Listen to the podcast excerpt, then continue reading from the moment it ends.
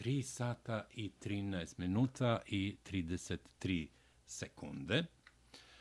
Dakle, sreda 25. januar. Snežno u Čikagu i okolini, a mi ovako putem radio Talasa i putem a, Vajbera idemo za Beograd i kažemo dobro veče, srećna nova godina i pomaže Bog za dragog prijatelja, profesora doktora Aleksandra Rakovića, istoričara, naučnog savjetnika u Institutu za noviju istoriju Srbije. Srećna nova godina i vama, dragi Milorade, i vašim slušalcima i Bog se javi. Bog se javi, va istinu se javi. Ali, evo, Aleksandre, nadam se da ste dobro.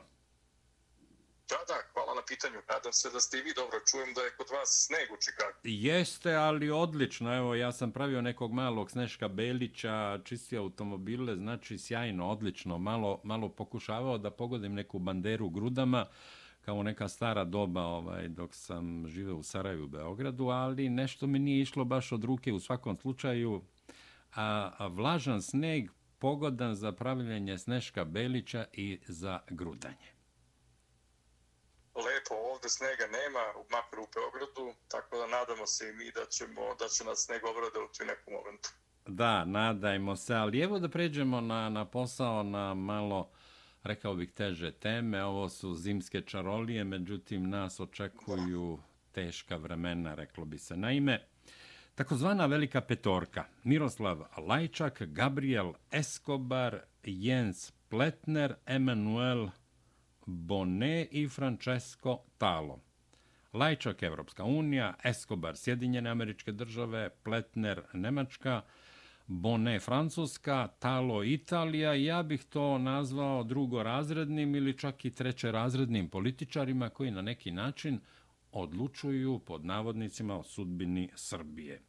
Dakle, oni su u razgovoru sa predsjednikom Srbije Aleksandrom Vučićem saopštili, odnosno izneli ono što bi se nazvalo a, gola ucena. Zapretili su u slučaju da se ne potpiše francusko-nemački predlog, koji je sad preimenovan u a, predlog Evropske unije, da će Srbija doživjeti prekid evropskih integracija, zaustavljanje i povlačenje investicija i ekonomsku blokadu, odnosno sankcije. Pa molim vas za komentar. E, treće razredni političari ili diplomate, već kako oni sebe vide, su naime e, nama i dati kao neka ispostava ovih velikih sila da bi nam nametnuli rješenje. To i jeste neka namera da se tim e, drugorazrednim ili trećerazrednim diplomatama u stvari pokaže gde Srbiji treba da bude mesto ovaj, i e, s tim u vezi, dakle, to treba tako iskvatiti. E, to ne znači da nama mesto tu da nas oni smeštaju, ali e, njihove poruke su jasne, čini mi se, tim povodom, jer e, e namera im je da poniza Srbiju i onda to rade na svakojake načine, pa čak i na te da šalju neku drugu ili treću ili četvrtu garnituru. Ranije je bilo još i gorih tipova, kao što je bio onaj Hoyt Brian Yee, koji je u rangu bio osma garnitura u State Departmentu u onoj njihovoj hjerarhiji, ali ono je ovde pokušavao da žari pali i to mu je jedno vreme i prolazilo. Kada je, vre, kada je reč o ovim ucenama Srbiji, e, dakle, one su ozbiljne. E, tu što se tiče sankcija, one nisu formulisane na taj način da će biti uvedene sankcije, ali to nije moguće zbog toga što ne bi sigurno bilo konsenzusa u okviru Europske unije oko toga. Ali bi te neke veće zemlje mogle da uvedu mere neke protiv Srbija, posebno posebno se predsjednik Vučić plaši, tako nam je i saopštio, plaši povlačenja investitora Srbije koji zapošljavaju pa recimo oko 200.000 ljudi, ti zapadni investitori koji bi se potencijalno mogli povukli, mogli povući. To bi značilo da e, sa njihovim povlačenjem prestaju i njihove obaveze prema zaposlenima i da dolazi do socijalne krize u Republici Srbiji. E, tako da ova situacija nije laka, e, ne treba vršiti e, e, pritisak na predsjednika zbog toga što se on realno nalazi u teškoj situaciji, ali također ne treba e, e, ne treba ne treba propustiti priliku, čini mi se da se njemu da podrška da on istraje u tome da ništa ne potpisuje oko ovoga što su oni ispostavili, taj takozvani francusko-nemočki plan koji je postao, kako on kaže, platforma za buduće pregovore. Dakle, da ništa ne potpisuju u tom smislu i da ga ohrabrimo, treba da ga ohrabrimo i damo podršku, jer on je čak u jednom momentu najavio i referendum, odnosno izjašnjavanje naroda, koje bi trebalo da odgovori na tu ucenu ili ultimatum ove kvinte. Tako da e, u ovom momentu nam je potrebno da održimo stabilnost zemlje i da e, ne vučemo neke korake koji bi mogli zemlju da uvuku u nestabilnost. A konfrontacija sa Zapadom značila bi u ovom momentu veliku nestabilnost za našu zemlju. Dakle, treba razvući ovu situaciju što je duže moguće i opet čekati neku priliku, premda je i on sam predsjednik rekao dokle da čekamo te neke prilike, ali čini mi se da je to nama sada jedino rešenje. Dakle, mi u ovom momentu možemo samo da kupujemo vreme i da e, igramo i dalje ovu neutralnu partiju u odnosu na sukob Rusije i Ukrajine. Dakle, kada je reč o Zapadu, oni nemaju nijedan argument, na primjer, da e, kako bi oni napisali neke izvešte ili bilo šta, čime bi oni potkrepili e, tu represivnu politiku prema Srbiji koja nema. Šta je to Srbija uradila loše bilo kome u okruženju, a kamoli na planu Rusije i Ukrajine? Dakle, ništa. Baš ništa. Kako bi oni obrazložili te svoje odluke? Kako bi to prošlo na tim njihovim forumima i tako dalje? Pa nisu valjda svi ljudi tamo na, u Europskoj uniji budali. Dakle, pro čega u Mađarskoj to ne bi moglo da prođe. Možda i u nekoj drugoj zemlji. Dakle, e, treba e, ići, čini mi se, i dalje insistirati na tome da Srbija igra aktivnu ulogu, da predlaže rešenja, da ta rešenja budu kompetentna i da e, neko ne može da nam e, ispostavi e, neki izgovor da Srbija ne želi da participira, da učestvuje u pronalaženju kompromisnog e, modela za Kosovo i Metohiju, tako da treba nastaviti ovde, ovim putem kojim smo krenuli, ovaj, pa ćemo videti. Dakle, e, jako nam je sužen manevarski prostor na Kosovo i Metohiji. Treba to da razumem. E, mnogo širi manevarski prostor imamo u Crnoj Gori, a još širi od toga u Republici Srpskoj. Prema tome, u ovom momentu treba da se fokusiramo na ono što je moguće uraditi, e, a i da, da radimo sve što je moguće, dakle da uradimo, a ne da insistiramo na rešenjima koje bi moglo skupo da nas koštaju. Dakle, dovoljno je bilo što su Albanci odbijeni zubinom potoku na e, katolički božić u onom napadu, e, a insistirati sada da ulazimo u sukob sa kforom, to bi bilo nerazumno i nemoguće pre svega zbog toga što NATO ne bi propustio priliku da nas u ovom momentu e, još jednom ugrozi. Tako da potrebna nam je balansirana politika, stabilnost i da hladnih glava promišljamo šta treba da uradimo u vrlo složenoj i teškoj situaciji kako je Kosovo i Metohija, naravno, i da podržimo predsjednika Vučića da ništa ne potpisuje, nikada reč o priznavanju Kosova, ni podeli Kosova, ni ništa, što bi moglo da se tumači kao ustupak ovoj kvinti i njihovom ultimativnom rešenju.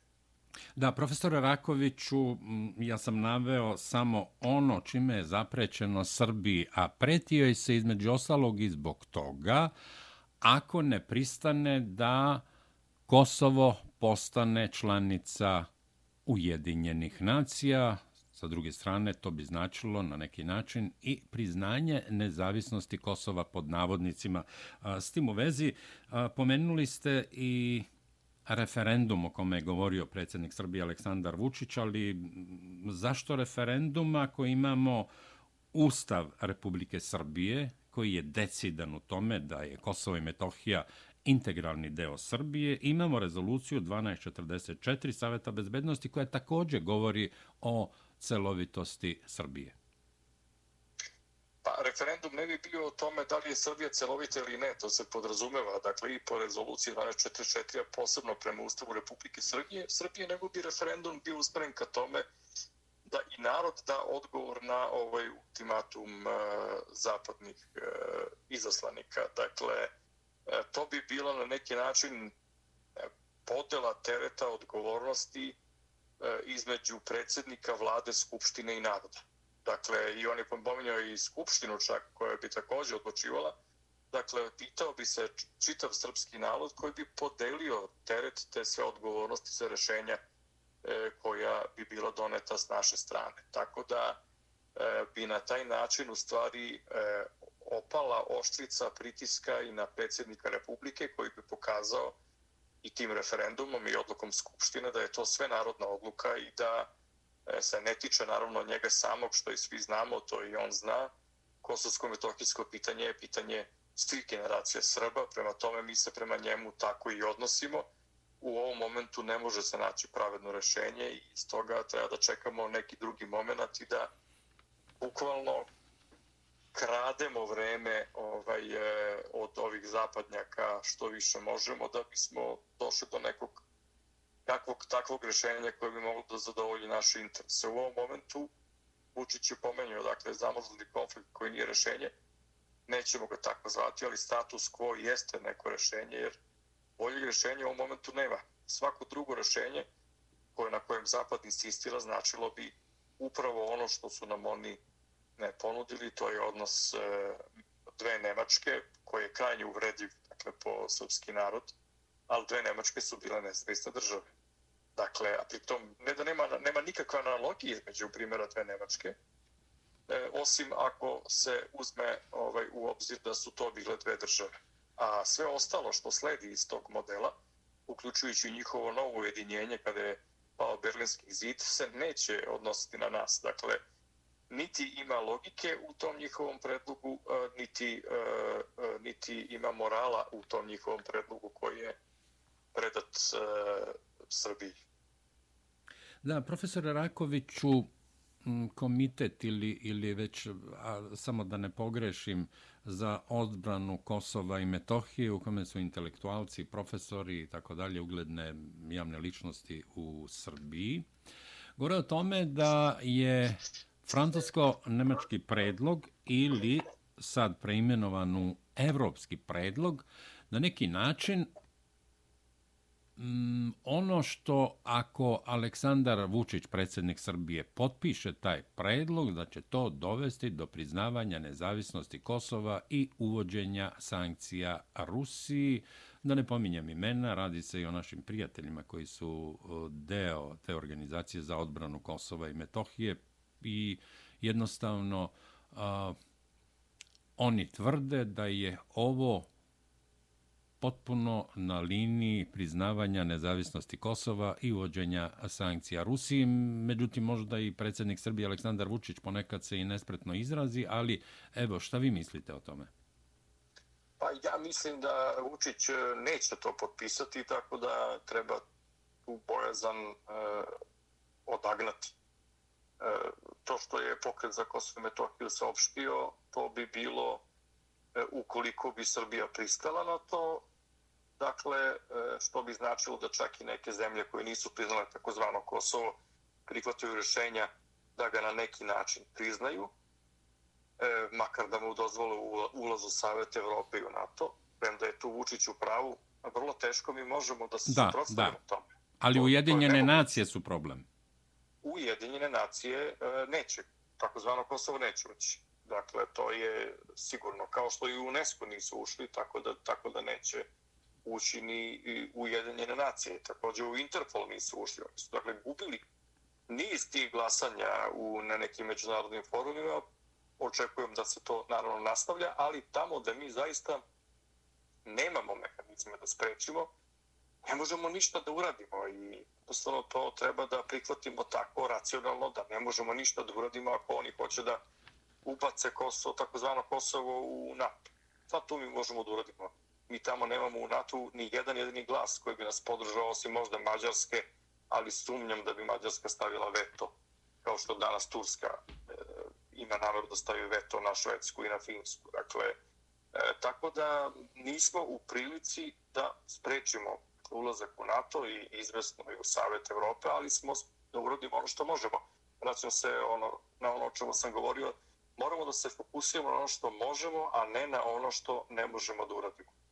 Ali upravo u tom dijalogu, i to je vrlo važno, taj dijalog između vlasti i opozicije, ovaj, je, je pitan u ovom momentu i vidimo da je Vučić pozvao i da će doći u Skupštinu, da će razgovarati sa... Da, sednica je zakazana za 2. februar. Tako je, sa našim narodnim poslanicima i čak i sa predstavnicima, svim liderima tih stranaka, da se tenzije spuste i da ovo je sve srpsko pitanje i treba zajedno da dođemo do najboljeg rešenja, a ne da jedne, drugi, jedne, jedne drugima kopamo oči oko toga ko je veći patriota ili ko, ko hoće ili ko neće da izda Kosovo. Ovde niko neće da izda Kosovo, to je sasvim jasno. Ali je e, situacija teška do te mere da u toj šahovskoj partiji e, treba da odigramo što više poteza da bismo u, ovom, u ovoj situaciji došli do remija. U ovoj situaciji mi ne možemo da dođemo do, do pobjede. Mi smo neke pobjede ostvarivali, recimo na UNESCO i u Interpolu i u jedinim nacijama, ali sad u ovom momentu taj remi nam je potreban zbog toga što e, je Zapad gladan pobede nad Rusijom. A mi smo tu kolateralna šteta tog sukoba. Ja da. sam, znate, ja sam išao, et, vraćao sam se iz Kazanja, iz Rusije, jer Srbijom, dakle, Srbija sasvim normalno leti i ekonomski interesi Rusije se u jednoj meri ostvaruju i preko Srbije. Ovaj, e, tako da Eh, oni nas vide kao nekog eksponenta, neopravdano nas vide kao nekog eksponenta Rusije. U stvari Srbija vodi svoju politiku koja je neutralna, ali oni su toliko gladni te pobede da žele da je ostvarena nad nama ukoliko ne mogu nad Rusijom. Da, profesor Rakoviću, razumem potpuno ono što kažete i na toj sam liniji u, u, u smislu da ne sme da se potpiše ništa i tako dalje i tako dalje kada je u pitanju Kosovo i Metohije. Međutim, ono što mnogi slušalci, ali i, i javnost ili deo javnosti u Srbiji pita, zašto Skupština Srbije ne proglasi okupaciju Kosova i Metohije, da li je to realno, da li je moguće, ne znam, ali evo pitam vas. I sa druge strane, takozvana velika petorka. A, radi se o ljudima koji pripadaju državama ili su izaslanici pod navodnicima ti trećerazredni um, diplomate ili već šta li su. Pripadaju državama koje su priznale nezavisnost Kosova, Sjedinjene američke države, Evropska unija u većini mimo pet država koje nisu priznale takozvanu nezavisnost, Nemačke, Francuske i Italije. I ono što ljudi pitaju, onako i dobronamerno i nije im jasno, gde su predstavnici Rusije i recimo Kine ili i čak evo Indije? Pa to je ono rešenje koje je svojevremeno uh, u vreme prethodnih vlasti koje je vodila demokratska stranka prebačeno na evropske strukture, a ne više na, na strukture koje su vezane za ujedinjene nacije. Dakle, to je eh, u tokom, tokom tog dugog procesa nakon okupacije Kosova i Metohije 99. Naše vlasti, ove ili one, činile su povremeno neke greške. I niko, izvinjavam se, profesore, niko ne odgovara, to nisu greške, to je protivustavno delovanje, da ne kažem vele izdajničko, i niko ne odgovara i za puštanje preko 2100 šiptarskih terorista iz zatvora i tako dalje i tako dalje i to prebacivanje iz Ujedinjenih nacija i Saveta bezbednosti na Evropsku uniju, dakle to su vele izdajnički potezi. Niko ni za što ne odgovara. Pa evo mi sada, prosto to su plodovi tih poteza, dakle, eto, zato se upetala Evropska unija zajedno sa Amerikom, kad više tu nema ujedinih nacija. E, ali kao što vidimo, imamo ono telo, PIK e, u Bosni i Hercegovini, čiji je Rusija i dalje član, ali i to telo PIK, koje je neformalno telo samo po sebi, ono nema nikakav osnivački akt, e, donosi neke kvazi odluke bez e, konsultacije ili uzimanju u obzir mišljenja Rusije. Tako da verovatno da bi se u ovim okolnostima čak i to dešavalo na Kosovo i Metohiji i da nismo to pitanje prebacili, odnosno da naše prethodne vlasti nisu to pitanje prebacili na Europsku uniju i izuzeli to od e, Saveta bezbednosti jednih nacija. Tako je kako je.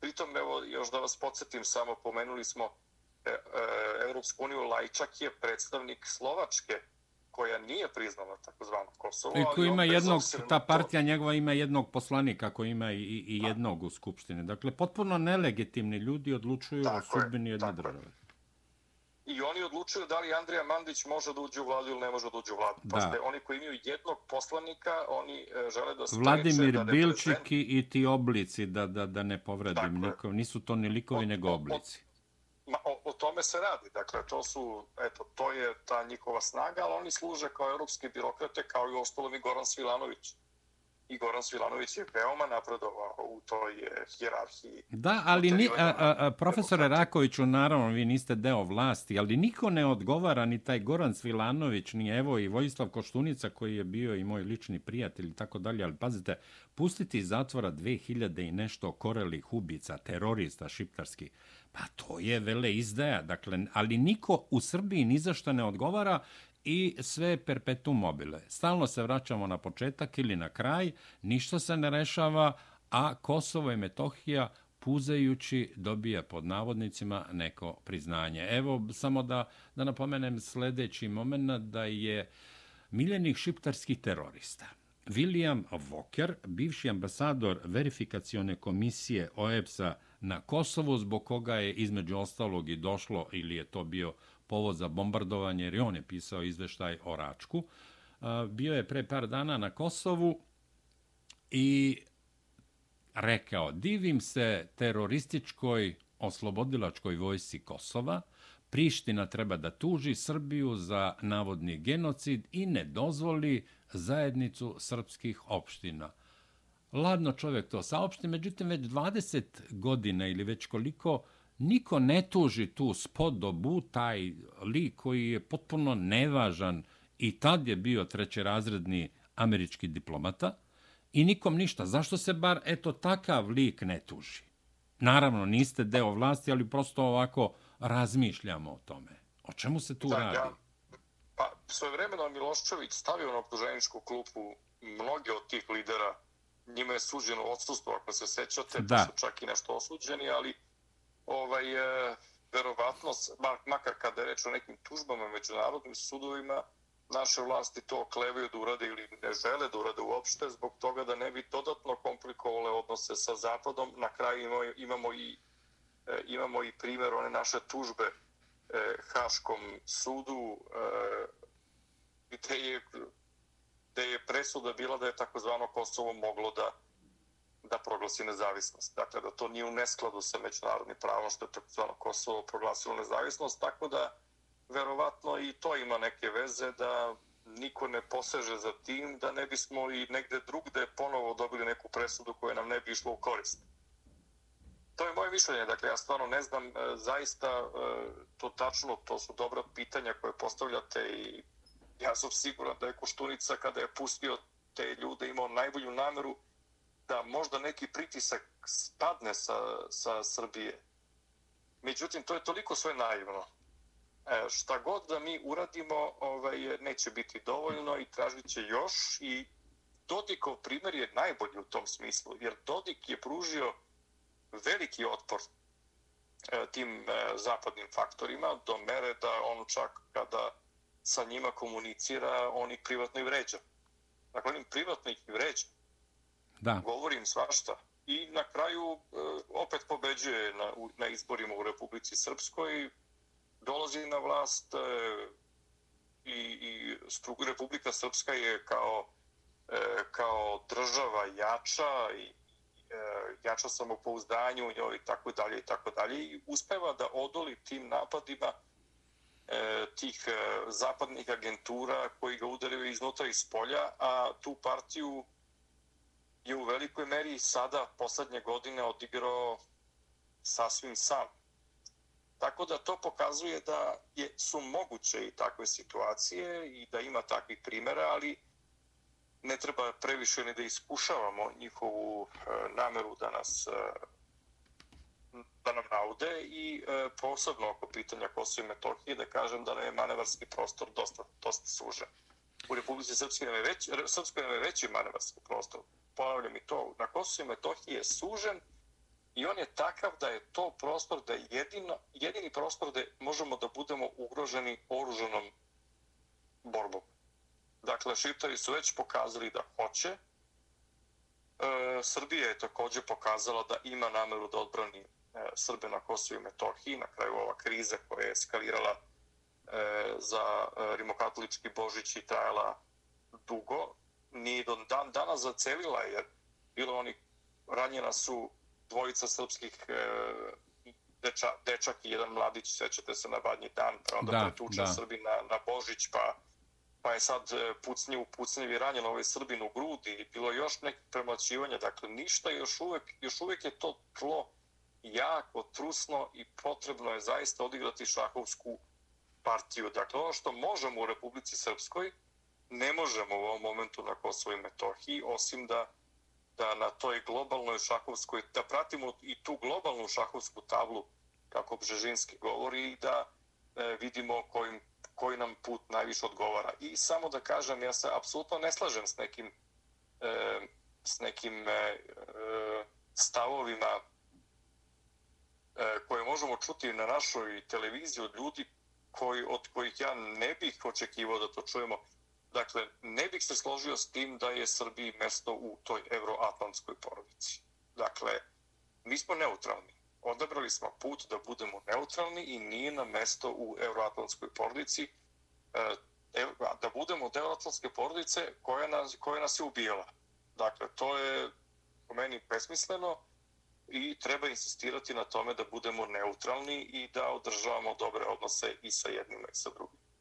Da, mm, volao bih da prokomentarišemo, u stvari nema tu šta da se komentariše ili da konstatujemo, stav Srpske pravoslavne crkve kada je u pitanju Kosovo i Metohija, tu ima mnogih ili, neću reći nedobronamernih, ili nerazumevajućih ljudi koji ne razumeju o čemu se radi, pa kritikuju i patrijarha i sinod koji je pre par dana podržao borbu, dakle suprotstavljanje zapadu ili velikoj petorci ili već ne znam kome sa zapada u vezi sa odbranom Kosova i Metohije i za Srpsku pravoslavnu crkvu Kosovo i Metohija je neotuđivi deo Srbije i tu prosto nema šta da se komentariše.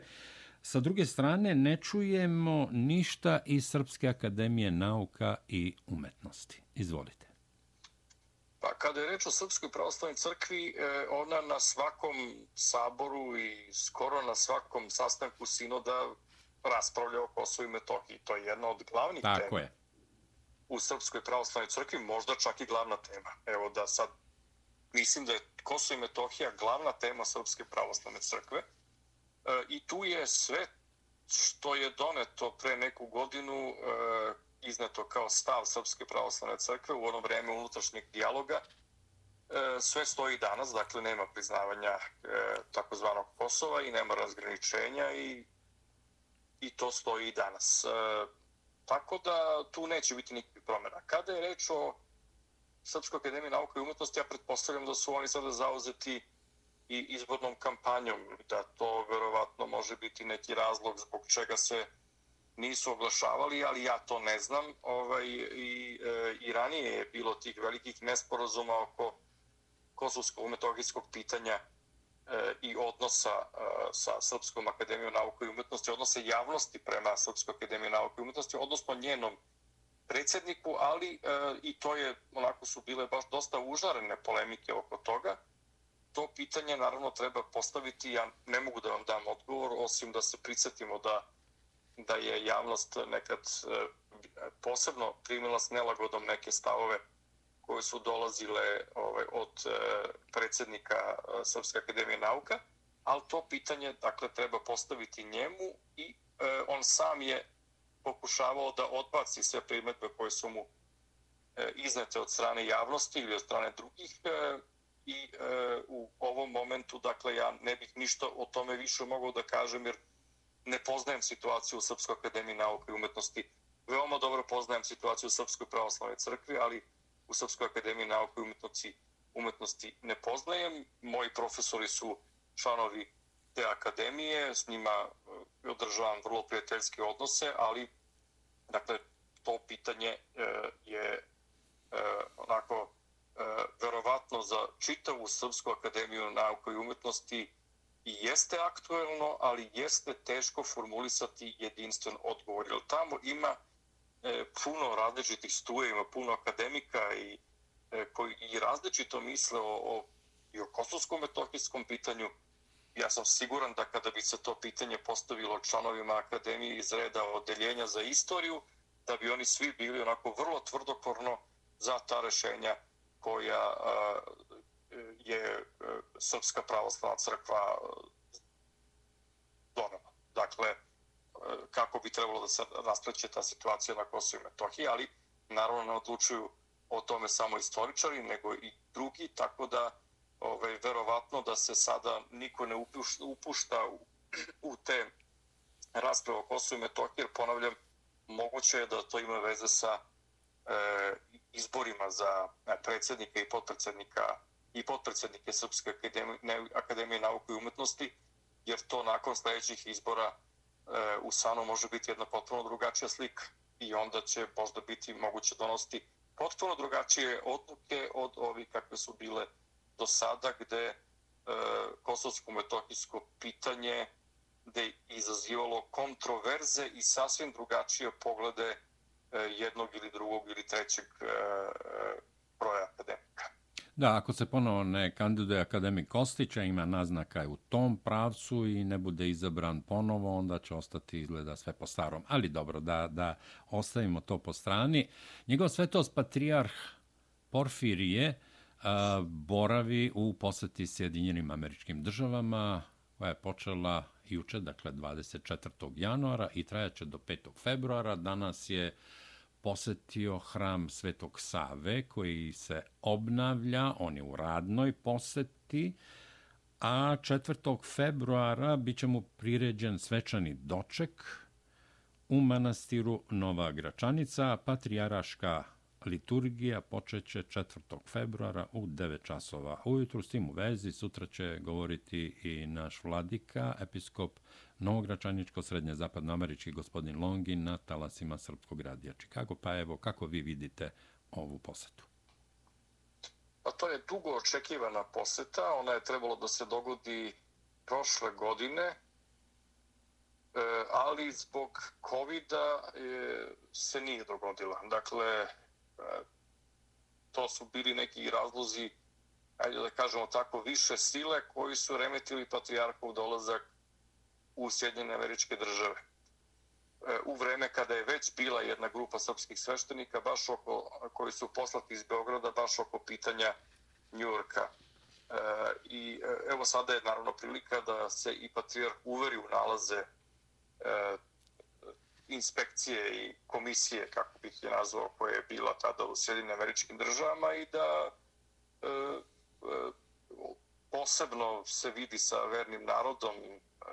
Upoznati smo naravno sa tim njegovim programom posete i, i, i akademijom koja će biti održana u Njurku povodom Svetog Save. Tako je. Dakle, ta poseta je vrlo važna, kao što i ova poseta Libertvilu u Čikagu i okolini također vrlo važna i njegov razgovor koji ga očekuje sa svim episkopima i severne, srpskim episkopima iz Severne i Južne Amerike. E, naši e, Srbi ne treba da oklevaju da sasvim otvoreno razgovaraju s našim patrijarkom o svim mogućim pitanjima koji ih hrabre, koji ih muče. I, dakle, patrijar Porfir je sasvim otvoren čovek i pritom e, e, vrlo spreman da diskutuje sa e, našim Srbima e, koji će najbolje sa lica mesta dočarati tu sliku e, života srpskog pravoslavnog naroda u Severnoj Americi. Tako da je to,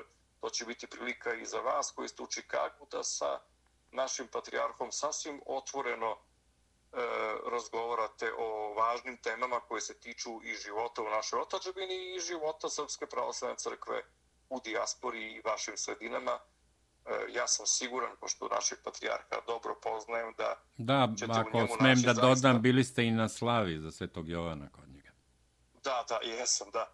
Ovaj, kod patrijarha Porfirija, tako da, što mi je naravno bila velika čast da sam pozvan, e, tako da ovaj, e, siguran sam da ćete u njemu imati izvanrednog sagovornika e, i da za unapređenje crkvenog života u Severnoj Americi.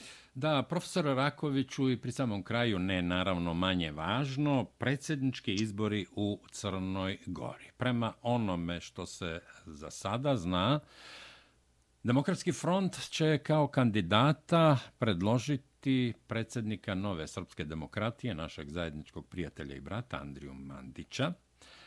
Kandidat Demokratske partije socijalista će biti dugovečni predsjednik ili već e, da, da ne povredim, čovjek je predsjednik Crne Gore, da ne povredim sa epitetima koji mogu da se dodaju. Šta god kažete za Mila Đukanovića, niko neće pogrešiti u negativnom smislu. Dakle, Demokratska partija socijalista, kandidat bi trebalo da bude Milo Đukanović i treći kandidat bi trebao da bude kandidat ambasada u Crnoj Gori. Govori se o Aleksi Bečiću, predsjedniku Demokratske partije ili demokrata Crne Gore, koji će ovih dana boraviti u Vašingtonu i sastaće se između ostalog i sa Gabrielom Escobarom. Izvolite.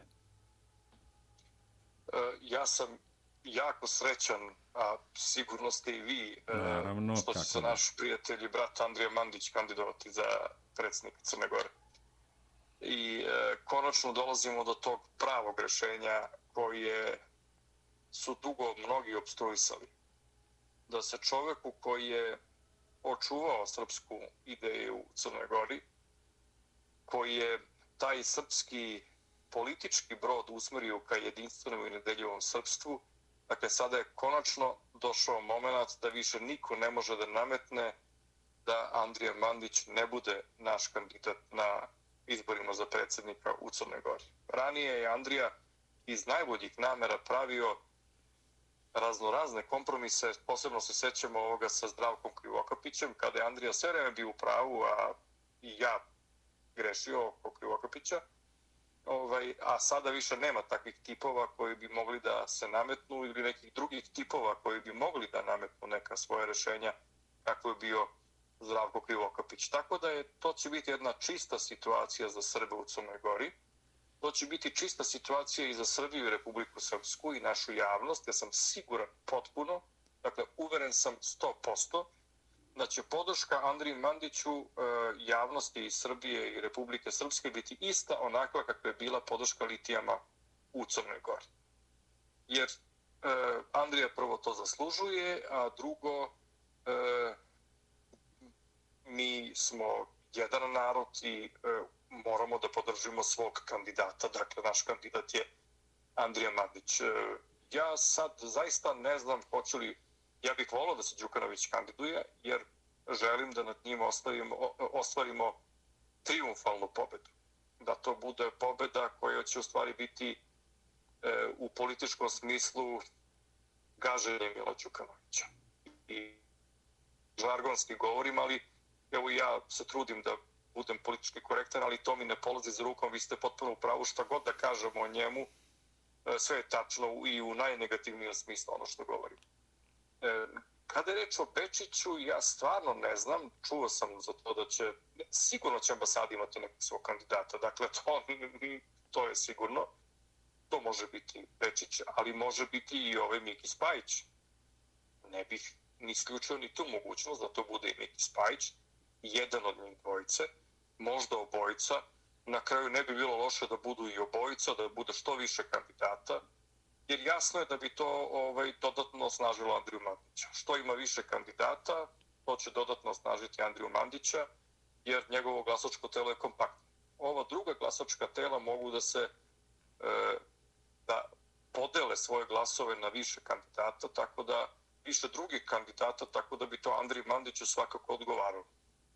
E, jedino što sigurno mogu da kažem E, u ovom momentu, pošto čekamo još uvek kandidaturu Mandića i vidjet ćemo ko će još biti i ako se Đukanović kandiduje, on će sigurno izgubiti na izborima. On na predsjedničkim izborima nema nikakvu šansu. Nikakvu. Dakle, rađeno su sondiranja terena, ispitivanje javnog mjenja, on će sigurno, ako se pojavi, biti potučen do nogu. Tu postoji ovaj drugi problem, e, to je da Ustavni sud u Crnoj Gori ne funkcioniše i da izvesno neće ni biti dopunjen do, e, ja mislim, ali izvesno neće biti dopunjen do, e, do kraja predsjedničkih izbora, tako da neće imati ko da potvrdi pobedu jednog ili drugog kandidata. Odnosno, ja sam siguran da će to biti Mandić, ali neće biti nekog da potvrdi tu pobedu. Dakle, to su plodovi obstrukcije koje je Đukanović pravio E, sve ovo vreme da bi izbegao da Podgorica padne u ruke srpskih stranaka koji su pobedili na izborima u Podgorici. E sada će se ta obstrukcija izvesno okrenuti protiv njega samog, jer njemu mandat ističe 19. maja u ponoć. Dakle, bili rezultati proglašeni ili ne, njemu mandat ističe, a time ističe i njegov imunitet. On u tom momentu više nema nikakvu zaštitu od procesuiranja koje ga sigurno čeka.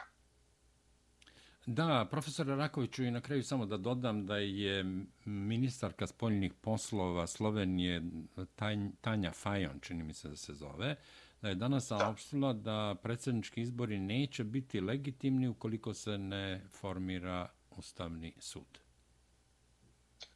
Pa, što ne izvrše pritisak na Milo Đukanovića da glasa za članova Ustavnog suda.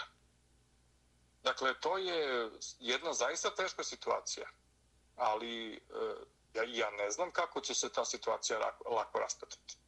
Znam kako bi se ona lako raspetala da je Demokratski front nakon pobede 30. augusta preuzeo, zaista preuzeo vlast u Crnoj Gori.